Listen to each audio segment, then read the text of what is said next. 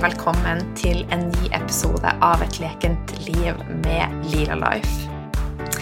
I dag så har jeg med meg ei eh, veldig, veldig spennende dame som er så nerdete at du vil ikke tro det.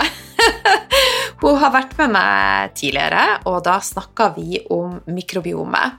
Hun Eva hun er natur naturterapeut, og i dag så skal vi nerde videre, og vi skal snakke bl.a. om sopp og parasitter. Så gled deg virkelig, virkelig til en lærerik og nerdete og interessant og litt grisete prat med hun Eva B.E. Andersson. Før vi hopper inn i eh, dagens eh, episode, så har jeg fått et eh, spørsmål fra en av dere lyttere som jeg får ganske ofte. Og det er hvor lang tid tok det før du ble frisk, Line? For jeg har jo delt opptil flere ganger og i flere episoder om min helsereise.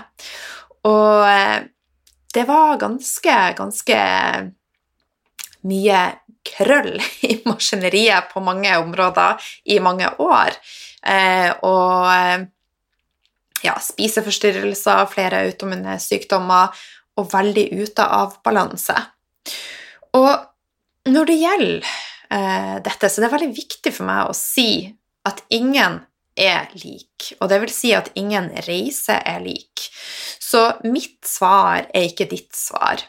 Men veldig mye av de tingene jeg har gjort, vil du også kunne gjøre og ha utbytte av.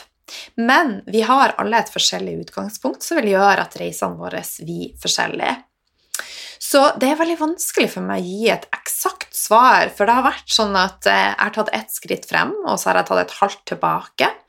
Og så har jeg tatt to skritt frem og ett tilbake. Så det er en, en, rett og slett en syklus. Det har, en, det har ikke vært en lineær prosess. Så når jeg ser tilbake nå, så kan jeg liksom se Wow, for ei endring jeg har vært igjennom.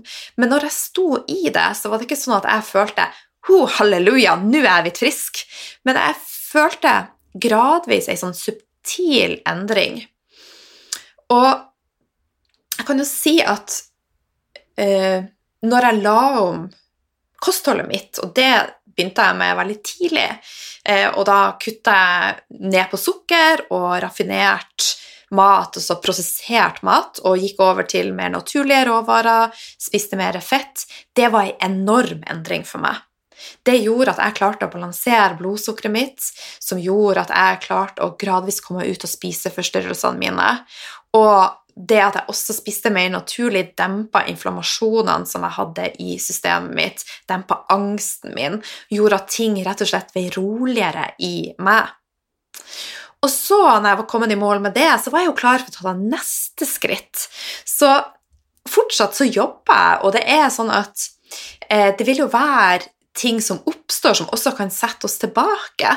Eksempelvis når jeg krasja nå i høst, så var jo det en traumatisk opplevelse for systemet mitt som satte meg litt tilbake.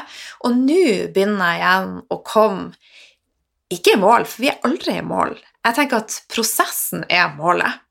Men jeg er kommet der nå at jeg kan trene igjen, jeg kan gjøre yoga, jeg kan stå på hender, jeg kan stå på hodet og gjøre de tingene som jeg elsker. Og for alle så er ikke det et mål, eh, men for meg er det et mål. Og kanskje du har helt andre mål. Så det viktigste du gjør i din prosess, er å frigjøre deg fra å sammenligne deg med andre. La din prosess være unik, og ikke se på deg sjøl som et oppussingsobjekt, men se på deg sjøl som hel der du er nå. Og så Tenk at du skal utforske og nå nye lag og substanser og bare la ja, rett og slett det her være ei fantastisk reise, eh, istedenfor å tenke at det er noe kjipt. Altså, jeg vet jo sjøl at det er vanskelig. Sånn som Nå så er jeg også på en parasittrens, og i går fikk jeg enorm hodepine. Og det er en helt naturlig del, men det var jo utrolig kjipt. Eh, og det Ja. hodepine er noe av det verste jeg vet. Så har du fått, fått, det, fått hørt det også. Jeg takler veldig mye smerte, men hodepine, da er jeg altså pysete. det det syns jeg er så, så heftig. Så det var kanskje ikke noe en, altså et skikkelig klart svar, men det er det klareste svaret og det tydeligste svaret jeg kan gi av at det finnes ikke noe fasit. Og hvilken ende du starter i, det må du også avgjøre. Det kan være at for deg så er det å ro ned det aller viktigste. Eh, kanskje trener du veldig hardt, og så er systemet ditt stressa. Du trenger å ro ned, gjøre litt roligere aktiviteter. Og kanskje det motiverer deg da til å ta mer tak i kostholdet. Uten tvil så har vi alle godt av å spise mest mulig naturlig glad og ren og energetisk eh, Altså mat som er proppa med god energi, rett og slett. Og kanskje da, når du er kommet i gang med maten, at du kjenner at 'oi, nå har jeg lyst til å, å eh, ta det et skritt videre'. Jeg trenger å, å komme enda mer ned mot jorda. Begynne å jorde meg sjøl, meditere. Så dette er ei reise, og la oss nyte den. Eh, for den er unik. Ok? Og så handler det veldig mye om hvordan vi møter ting. Sånn som nå i Bodø så er det smitterekord. Eh, vi har vært i nær kontakt med korona, og jeg sitter litt og jeg er faktisk litt redd for å ha blitt smitta, så hold dere unna meg. Eh, og det er mye følelser, og det er mye usikkerhet. Eh, men det handler om It's not about managing your emotions. It's about managing your reaction to your emotions.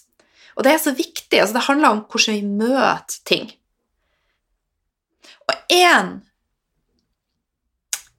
veldig konkret ting som jeg kan si har hjulpet meg, er eterisk olje.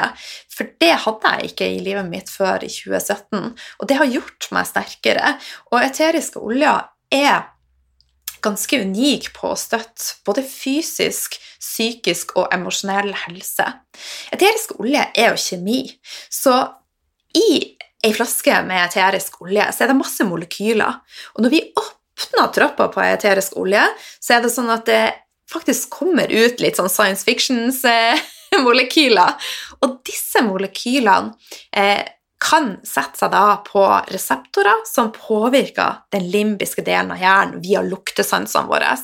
Og i den limbiske delen av hjernen, det er liksom følelsessenteret vårt, der har vi mye følelser og, som kan være lagra over tid. Og følelser, det kan være gode følelser, men det kan være også følelse som ikke har vært fullt så god, som har kanskje vært mer traumatisk. Og jeg har hatt ei stor, stor støtte av dieteriske oljene i denne prosessen.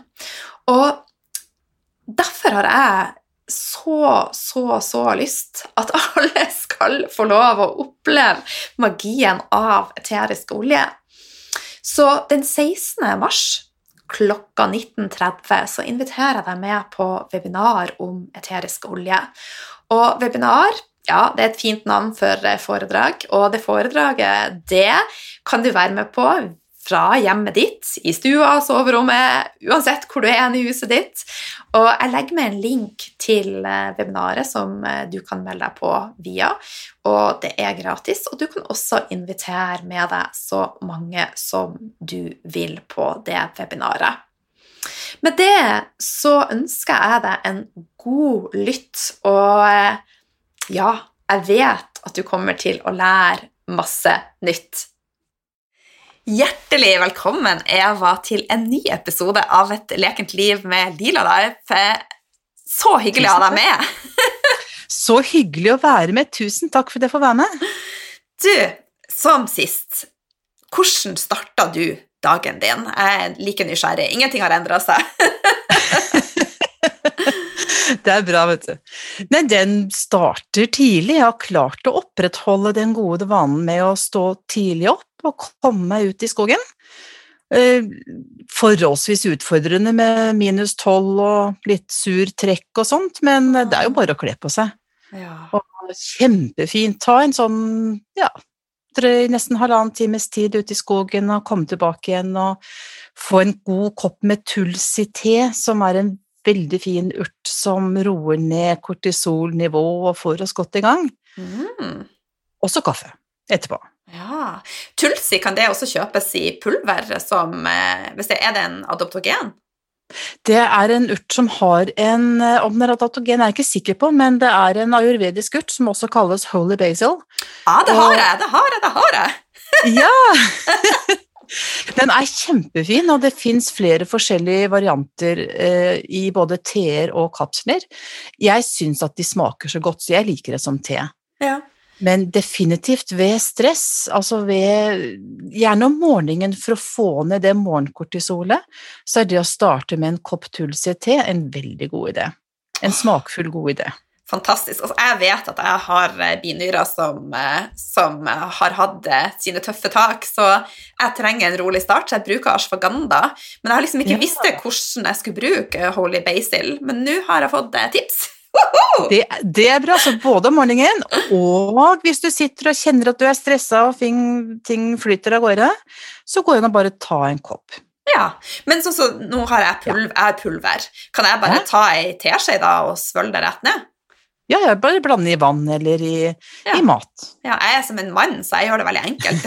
sånn, eh, vi skal komme inn på det med parasitter, jeg hopper jo rett inn i alt med en gang. Men eh, så tar jeg jo aktivert kull og eh, bentonit, og så jeg svølte det jo bare rett ned, og hun bare 'seriøst, tok du ikke det i vann?' Men nei, hvorfor skal jeg gjøre det vanskelig når jeg kan gjøre det enkelt? Men den, den, den gikk jeg på en gang da jeg hadde besøk av noen som importerte citrosept, altså grepfruktkjerneekstrakt, som Ja. jeg sikkert også kommer tilbake til. Mm. Og jeg sa nei, pytt, pytt, dette tar jeg rett på tunga. Ja. Det, da angret jeg litt. Jeg skal si det, Etter jeg hadde tatt den kulden rett ned, så kjente jeg jo har jo kullsmak og kull overalt. Det så jo ikke så, ikke så fint ut Altså- heller. Og så plystrer Pål sine høner, da. Med munnen full av kull. Det, det skal jeg prøve. Skal jeg gjøre det før, før jeg tar fredagsvasken? Gjør det. Og så legger du det ut, for det vil jeg gjerne se. Ja, ok, jeg, kan, jeg skal lage en, en, en video på det. Bra. Men du, du Ja. har jo vært med en gang før, og da snakka vi om eh, fordøyelse, og vi snakka om viktigheten av det å ha et mangfold i bakterier, og Mm. ja, rett og slett hvor viktig det er for ei leken og balansert helse. Eh, og vi skal ta det litt videre i dag, og eh, en mann som jeg har sett veldig opp til i mange år, det er Arnold Berstad, og eh, han døde dessverre i januar, eller først på nyttårsaften. Så all kjærlighet, sa han. Men han var rett på. Han var sånn Line, det starta med soppen. ja. Soppen, soppen, soppen. Så eh, jeg tenkte at vi skal snakke litt om soppen, som Arnold kaller det, men som da er candida. Kan ikke du mm. fortelle litt om candida? Jeg kan fortelle masse om candida. Dette har vi holdt på med i veldig, veldig mange år. Og eh, candida, eller det å ha sopp i kroppen, er helt naturlig. Vi snakker om et mikrobiom, men en del av mikrobiomet er også et såkalt mykobiom, altså det er soppmiljøet som vi har i kroppen. Vi har masse sopp i oss og på oss og rundt oss og i hele, og stort sett så lever vi veldig godt sammen i harmoni, og vi, vi har eh, gode effekter for hverandre. Men disse soppene kan være såkalt opportunistiske, som mange forskjellige mikrober. Og når de er opportunistiske, så betyr det at får de sjansen, ser de sitt snitt til å angripe, eller til å utnytte oss, er mer riktig å si.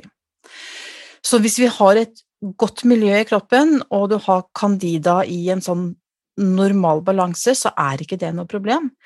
Men hvis vi begynner å forandre miljøet og legger forholdene til rette, så kan soppen begynne å utvikle seg og skade, irritere tarmvegger, skille ut avfallsstoffer eh, Mange, mange forskjellige ting som skjer der. Mm. Og det er jo ikke bare Candida albicans, det fins vel et sted kanskje 120, kanskje 150 typer Candida. Vi har veldig mange typer Candida, det er kanskje bare 10-15% som er skadelige. Ja. Eh, og de kan også trenge forskjellig type behandling, de sitter forskjellige steder. Eh, vi tester På min praksis så tester jeg mellom forskjellige typer sopper for å se hvordan det skal behandles. Og eh, du har noen typer som er mer i slimhinner, noen som lettere angriper lever, noen som lettere angriper bukspyttkjertel, noen som er mer til stede i tynntarmen, andre mer i tykktarmen. Så det er ganske individuelt. Ja, skjønner. Men hvordan merker man at man har eh, sopp som er ute av proporsjoner? som har tatt litt overhånd? Mange måter å merke det på, men ofte så starter det Det starter gjerne i fordøyelsen. Det er der vi ofte ser det først. Mm.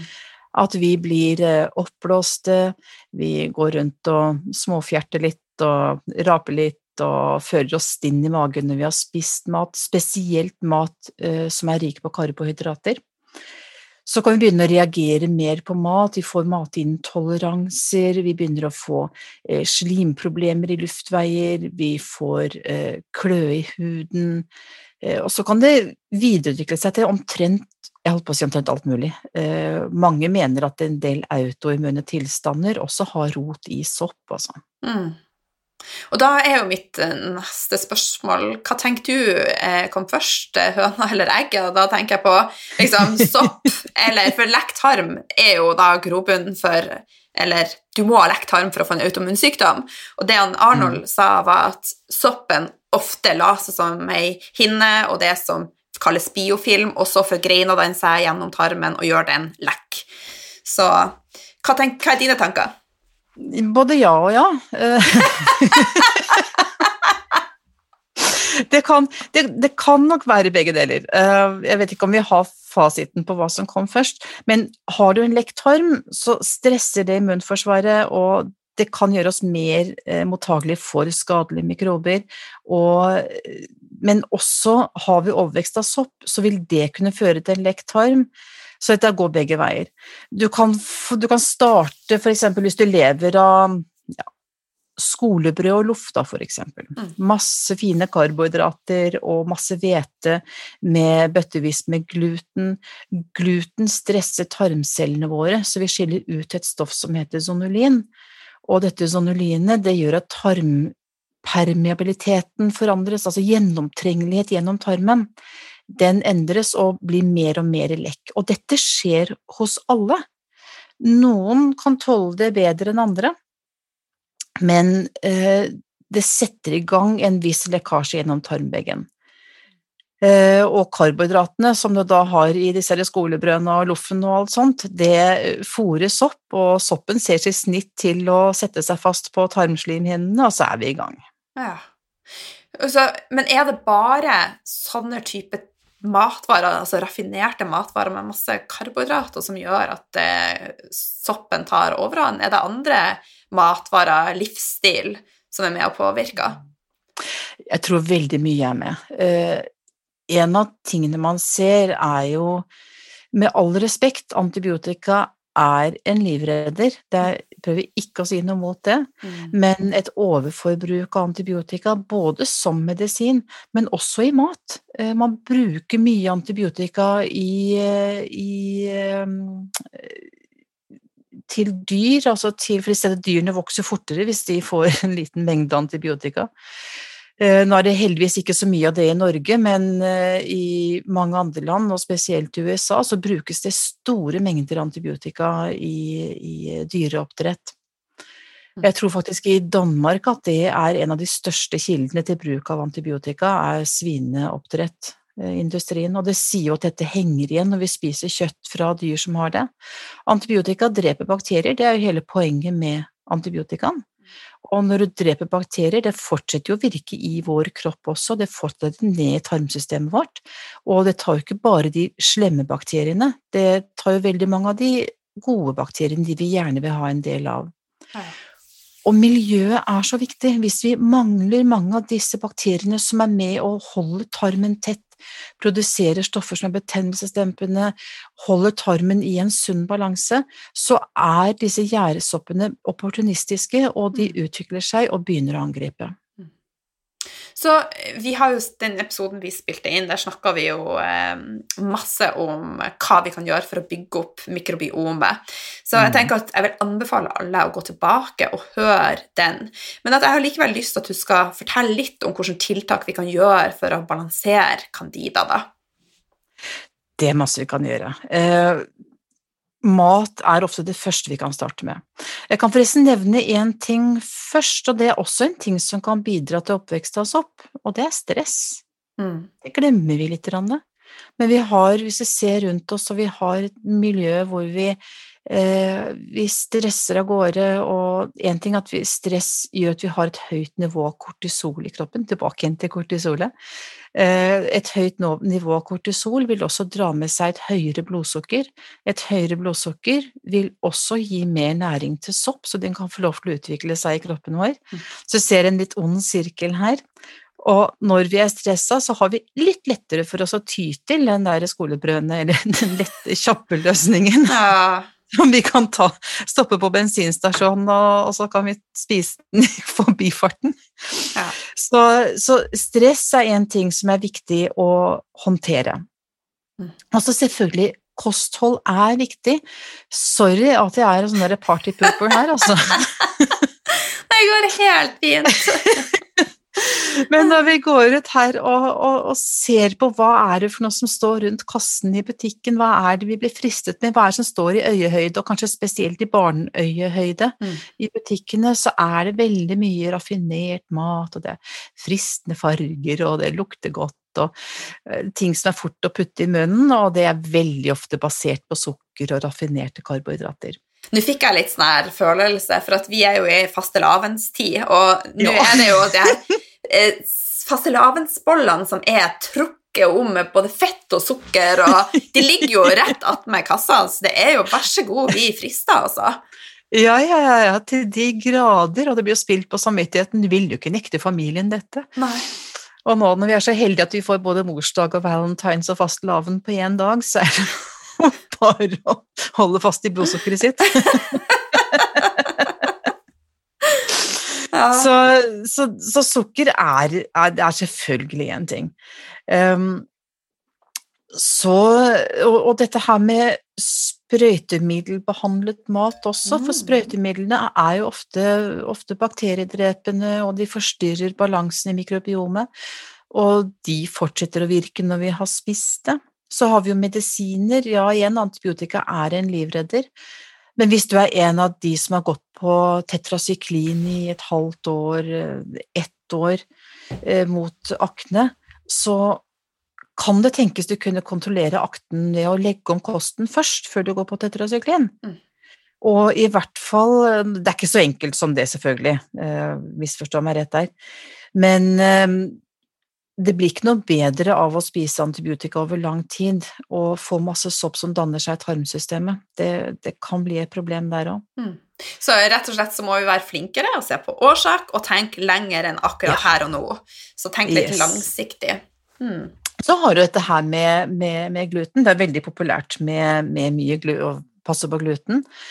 Uh, glutenfrie produkter, der er det dessverre også veldig mye sukker og veldig mye raffinert, og det er mais og soya og litt av hvert, så det er ikke alltid de er så mye bedre. Så skal du velge å kutte ned på gluten for å få en bedre tarmvegg, så kan du holde deg til naturlig glutenfrie produkter, altså sånn havre uten gluten, kjøre på med quinoa, hirse, bokhvete, sånn type ting. Mm. Hva er dine tanker jeg må bare spørre, hva er dine tanker? For det er jo masse sånn linsespagetti og sånn, og det består jo bare av linsemel. Hva er Mm. dine tanker om det? Det er mye heller det. Ja. Det er et godt alternativ, det. Ja, så fint. og der kan du også få inn sånne fine fibre som er bra for bakteriene våre. Ja. Og når bakteriene har det bra, så har soppen det dårligere. Woohoo! ja. så, det. så har vi jo selvfølgelig masse ting vi kan gjøre. Um, det, jeg, jeg har jo selvfølgelig mange strenge candida-dietter på samvittigheten. Jeg har holdt på i, i mange år. Mm. Og eh, før så var jo poenget at vi måtte sulte ut soppen. Og de dårlige nyhetene er at du sulter i hjel før soppen. Eh, soppen er Soppen er designet til å være der. Det er designet til å ta over når vi dør, så skal soppen og bakteriene ta over og bryte ned kroppen vår. Mm. Men vi kan kontrollere det, og nøkkelen er jo da å få opp nok av de gode bakteriene, og så begynne å kontrollere litt på de dårlige soppene. Og vi har midler som for eksempel eh, ja, oreganoolje, olivenbladekstrakt, eh, kaprylsyre, paudarco, grepfruktkjerneekstrakt, altså lang rekke stoffer som er ganske snille for kroppen eh, og har en god soppdrepende effekt. Mm. Så faktisk med å f.eks. tilsette ei spiseskje med kaprylsyre og så ei bra MCT-olje i kaffen, så har du gjort et bra tiltak for eh, å balansere candida. Ja, ja altså, for mange ting også. For den der kaprylsyren og de MCT-oljene har jo altså gode, god ernær... Eller eh, energikilde, Mm. skulle jeg si. Mm. Ja. Så det kan være fint å gjøre. ja. vi godt, da. Ah. Er det andre ting å tenke på i forhold til det med candida? Mange ting. Eh, Candida er jo Det er jo ikke bare et tarmproblem, for det kommer jo ut i kroppen vår, og det kan virke mer systemisk. Candidasoppene har også sine avfallsstoffer, eh, blant annet et stoff som heter acetaldehyd. Og acetaldehyden den kan passere faktisk opp til hjernen vår og bidra til litt sånn hjernetåke, bomullsdottfølelse oppi hodet, gjøre at vi går litt ved siden av oss selv og ikke helt til stede. Mm. Eh, Så se etter sånne symptomer også. Eh, Du kan, ha, du kan ha en perfekt fungerende fordøyelse og fremdeles ha rimelig mye sopp i systemet ditt, hvis det hovedsak ligger andre steder. Det er litt viktig å være klar over. Ja. Og hvis nå da lytterne bare sitter og tenker herregud, jeg har sopp overalt, eh, men fordøyelsen min fungerer som bare det, hvordan Ja. får de testa det? Det er forskjellige måter å teste på. Ehm, Jeg har testet for dette i mange år på kontoret hos meg, men det, det finnes sånne skjemaer du kan fylle ut og krysse nedover. Og så vil du da kunne se sant, litt historikk, litt symptomatisk. Ja. Hvor høyt scorer du på dem? De er relativt gode, som gir en indikasjon. Um, og litt uavhengig om du har sopp eller om du ikke har sopp, så tror jeg alle vil dra til veldig god nytte av å kutte ned på sukker, kutte ned på raffinerte karbohydrater, legge litt om på kosthold og livsstil, og se hvor det bringer kroppen din. Ja. Og ikke minst, vær til stede her og nå. Ja. Gå sakte. Pust. Ikke sant? Som du nevnte det i sted, stress. For at jeg tror veldig, veldig mange er så opphengt i at kostholdet er den, den viktigste faktoren, og det er veldig viktig, men stress er kjempeviktig. Stress er kjempeviktig. Og dette her med, med bevegelse, mosjon, eh, trivsel Det er altså så mange faktorer inn i bildet, Mm. og det For det som er faren, er jo hvis vi sier at nå skal jeg på en, en eh, tremåneders kur, så er det kjempefint. Du gjør veldig, veldig mye med en tremånederskur. Men hvis du da går tilbake igjen til å leve som du gjorde før, Mm. så kommer jo bare soppen tilbake igjen. Ja. Det er helt naturlig. Ja. Så rett og slett tenk mer livsstilsendringer. Og eh, gjør Start gjerne med små endringer. mm. Ja, kjempe, kjempeviktig. Men du, sopp, det er jo en del altså, Vi prata om mikrobiomet sist, og sopp er jo en del av eh, mikro, mikrobiomet vårt, er det ikke det? Mm. Ja. Ja. Ja. Så det er som sagt den mykobiom-delen av mikrobiomet Ja. er soppene. Vi har eh, mye gøy som lever inni kroppen vår. ja.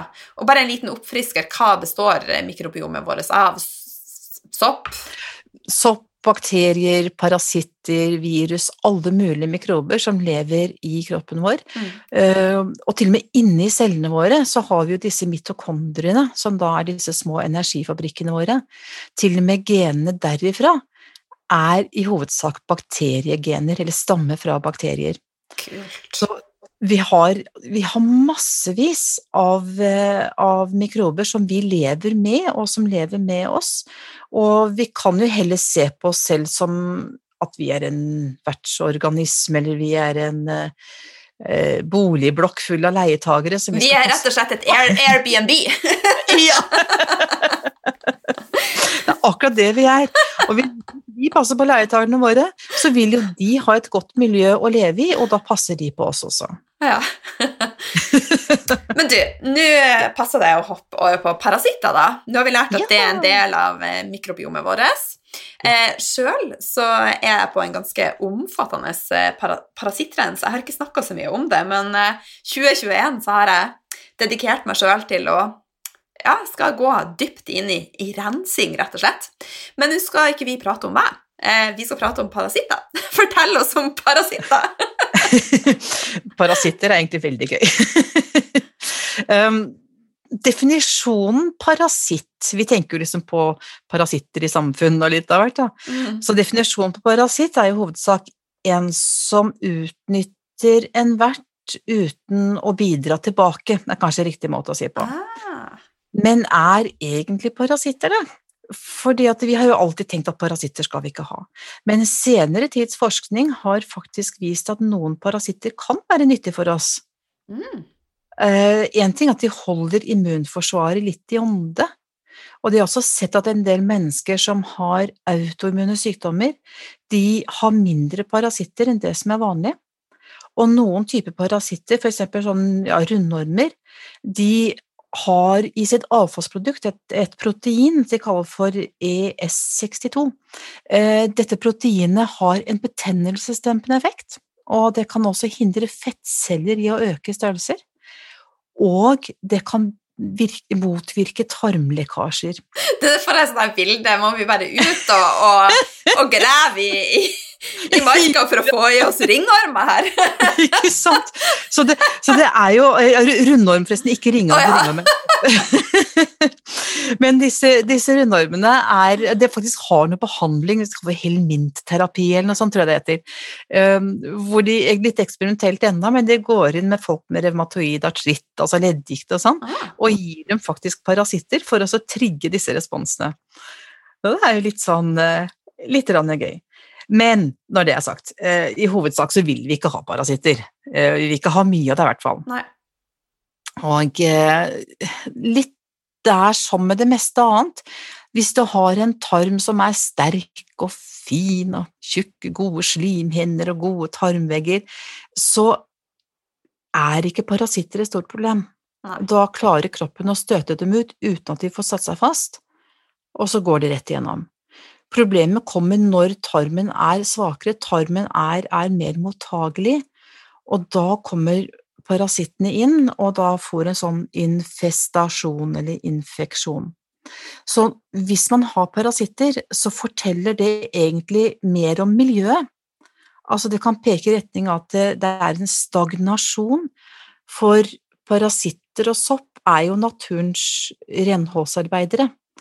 De kommer når ting stopper opp, når det hoper seg opp med avfallsstoffer og ting er liksom dødt og stagnert, da kommer disse. Ja.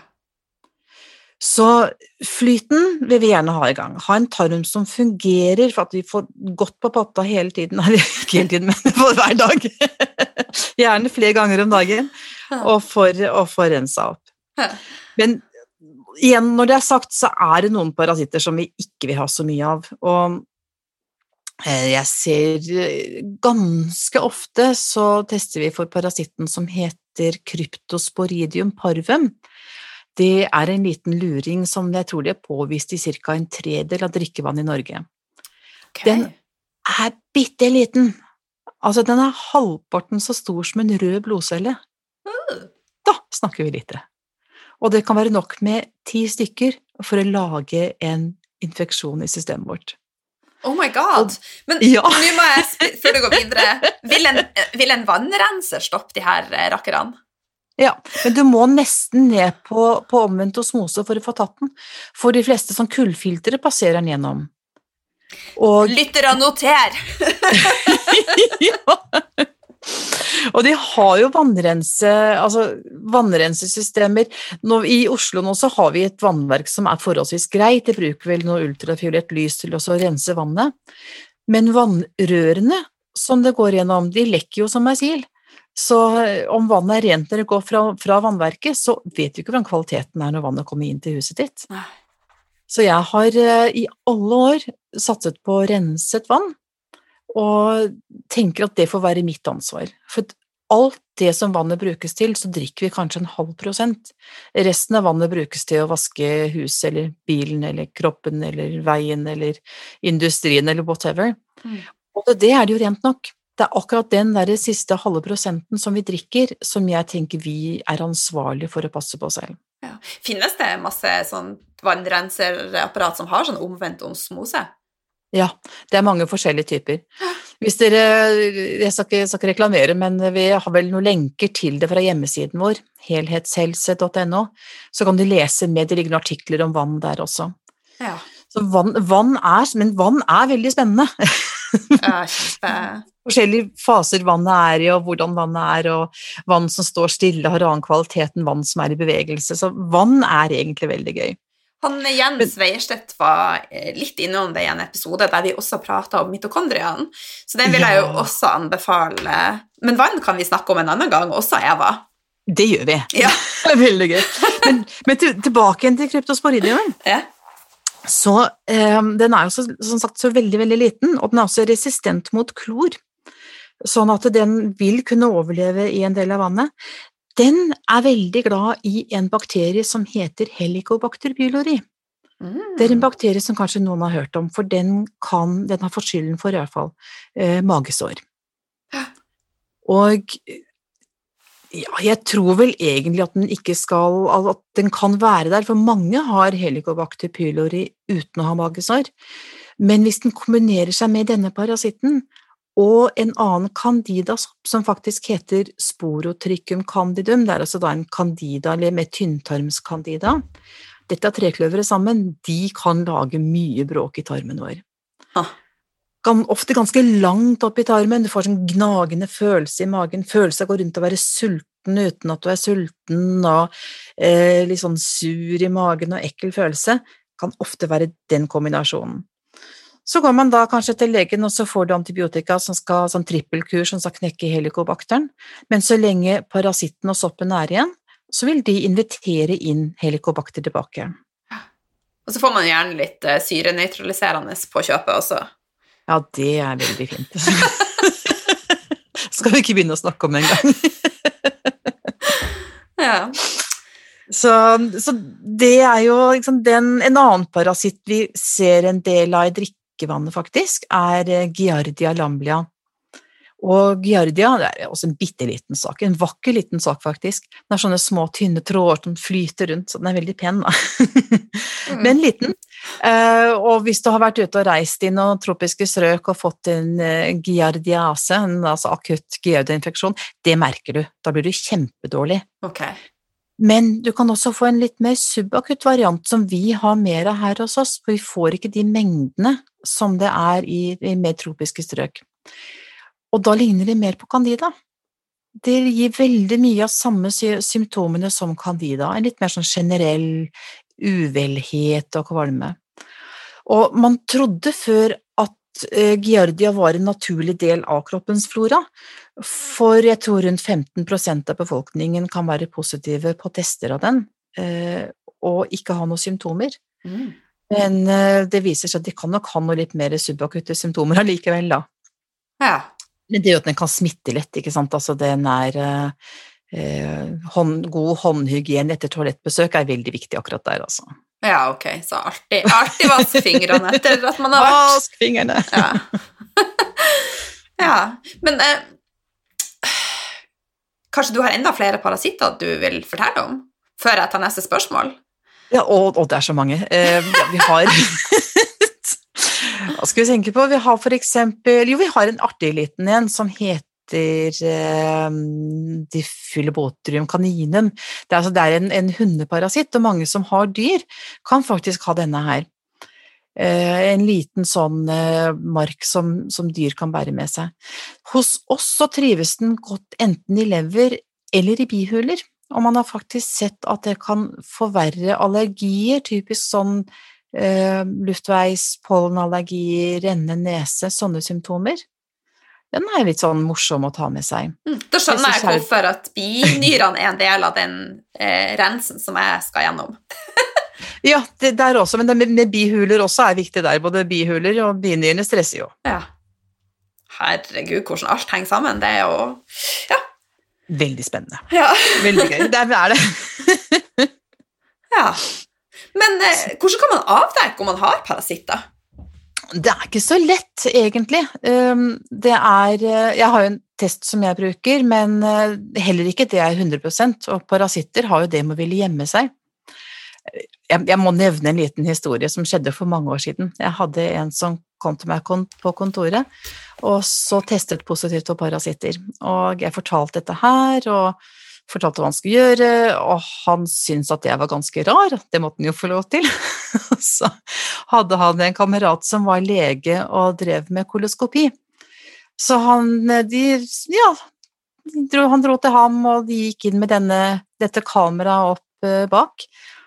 Og jaggu meg så så de parasitten, vet du. Det var en sånn 15-20 cm orm som krabba rundt der, inni tarmen.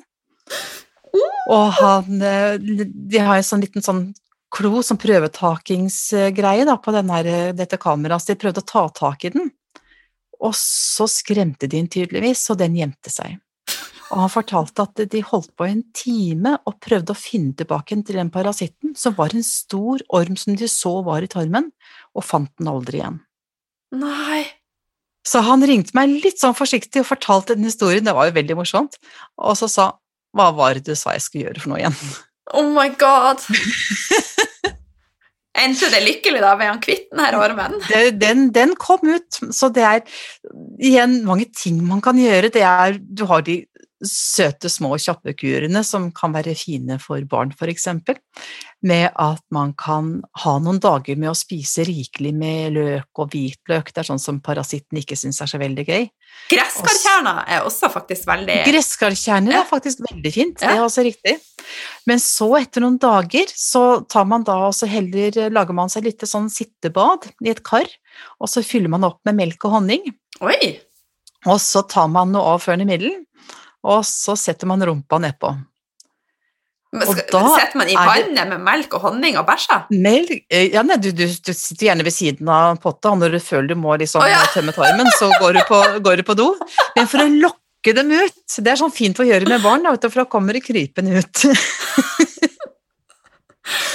Ah. Så det sånn morsomt. Da er det hyggeligere å være ute enn å være inne for disse parasittene. Ja. Men igjen, dette her med å teste, teste Det er ikke alltid så lett å finne. Eh, Jeg tenker jo litt at eh, stort sett så kjører jeg en parasittrens kanskje annethvert år. Um, For det, å unngå parasitter, det, det er jo egentlig ikke noe problem. Det er bare å slutte å spise og slutte å drikke og slutte å puste. ja. Så vi andre vi, vi renser innimellom, Mm. så det kan være greit. Og da er det masse forskjellige kurer man kan gjøre, Mm. som gjør godt en form for rens, både med fiber for å få det ut, eh, få tarmen til å fungere, fungere, få det godt ut, og ta midler som har en, en parasittdrepende effekt. Absolutt. Så kan vi jo gjøre litt som, som eh, bikkjene, eller som mange dyr. Når de gjør fra seg, så snur de seg rundt, og så lukter de, og så titter de på avføringen sin. og det vi skal slippe oss å gjøre akkurat det oppi skåla, men ta en titt av og til, og se hva du ser. Ja. ja, det har jeg faktisk fått beskjed om å gjøre noe, så jeg går på det her opplegget. Men det, det er ganske interessant. Ja. Og det er, du har eksempel eh, noen parasitter, du har noe som heter ikter, eller sånne små fasiola. De ser ut som, som små linfrø. Så hvis du kikker opp i skåla og tenker 'jøss, har jeg spist noe linfrø?' igjen, det kan jeg ikke huske. Da kan tenkes at kroppen din skiller ut noen parasitter. Oi, oi, oi, oi, oi. Ja, nei, herlig, herlig. Ja. Yes! Har du noe eh, mer du vil eh, si om eh, parasitter før vi hopper videre i samtalen? Eh, ikke som jeg kom på akkurat nå, nå tror jeg jeg surra meg litt langt ut på siden her. Jeg syns det var eh, artig og lære, eh, altså, lærerikt, så det skal du ikke tenke på. Ja, det, det, det som er viktig å huske på, er at det, det er ikke noe farlig. Mange friker ut bare med tanken på parasitter. Ah, ja. Uh, barnemark er veldig, veldig vanlig. Mm. Det at det kommer ut noen små hvite mark som, som, som krabber rundt, det, det er ikke noe behagelig, det er ikke noe morsomt, men det er ikke nødvendigvis farlig. Vi er kanskje mer redd for de bitte, bitte små, de som kan passere gjennom tarmveggen og komme seg ut i blodbanen, heller enn de du kan se. De du kan se, de er stort sett lokalt i tarmen. Mm. Åh, veldig, veldig spennende. du, eh, jeg fikk bare en sånn eh, følelse nå. Nå har vi skravla lenge om eh, sopp, eh, og vi har eh, prata lenge om candida, og så har vi også masse vi skal snakke om om mikrobiomet. Men Ja. jeg er ganske impulsiv, så jeg tenker at vi skal faktisk gjøre dette til to episoder, kjære deg. Og så tar vi nå og sier ha det bra til, eh, til lytterne, og så kommer det en episode til. Hva tenker du om det? Veldig, veldig gjerne. Det vil jeg veldig, veldig gjerne. Men eh, før vi avslutter dette om candida og eh, parasitter, skal vi bare oppsummere eh, litt, hvis man da skal jobbe, hva vil du ha sagt? Jobb med å bli kvitt både candida og parasitter. Se på Se litt på vanene dine. Hva gjør du? Hva, hva spiser du? Eh, Hva har du lyst på? Hvis du går rundt og hele tiden har lyst på ting med sukker og raffinerte karbohydrater, så er det mest sannsynlig candidaen som roper Ja. og, ber om, og ber om mer mat. Feed me, sier han. Har du mye sopp, så vil du ofte fyse på og ha mer lyst på ting som fôrer disse soppene. Eh, Som gjør det ekstra vanskelig å kutte ut en periode, men etter et par uker så skal jeg love deg at det blir mye bedre. Eh, Prøv å unngå altfor mye raffinert mat. Prøv å tenke mer på ren mat, mat du ser hva er, mat du gjenkjenner. Um, fiber, grønnsaker, ren kjøtt, ren fisk, rene stoffer. Dette her er mer mat til deg og de gode bakteriene, og ikke så mye mat til soppene, gjærsoppene. Mm. Tenk på stress. Litt oppmerksom på dette her med stress. Eh, Vi kommer ikke, vi kan ikke hoppe av verden, for den er faktisk som den er. Det er sant. Men vi må lære å takle det. Mm. Vi må finne våre små luker og lommer hvor vi kan liksom huske å puste, huske å, å kjenne på kroppen, kjenne at vi er til stede, ikke bare skal bare, ja, og når bare, Mm. men at vi er til stede her og nå. Mm. Og um, husk å, å, å nyte litt og leke litt også. Viktig. Viktig. Vi må huske hva podkasten heter. Et lekent liv! Et lekent liv. Og igjen, dette her, hvis jeg får skyte en ting helt på tampen, eh, bevegelse tror jeg er kjempeviktig. Ikke at vi må ikke bli atleter og maratonløpere alle sammen, men røre litt på seg, det tror jeg betyr mye. Mm. Og det er en superflink eh, lege, foredragsholder og forfatter som heter Ole Petter Gjelle, og han eh, starter foredragene sine med å fortelle om sjøpølsen. Og jeg har lyst til å bare veldig fort gjenta den, for jeg syns den er så søt. Gjør det. Havet. Og så en dag så finner seg et fint sted å bo. Da finner den en korall eller et eller annet sted å sette seg fast på. Der slår den rot, og der blir den værende resten av livet. Og det første den gjør, er å fordøye sin egen hjerne. Okay. Og hvis han ikke skal bevege seg rundt i rommet, så, eller havet som det heter der, så trenger han ikke hjernen sin. Han kan fint henge fast og så spise uten å ha noe hjerne. Så fysisk bevegelse er også viktig for vår mentale eh, hvordan vi har det mentalt, og kognitivt, og hukommelse og trivsel og alt sånt. Så om vi nå er eh, litt låst til å være veldig mye innendørs, kom deg ut og gå en tur og prøv å oppleve noe.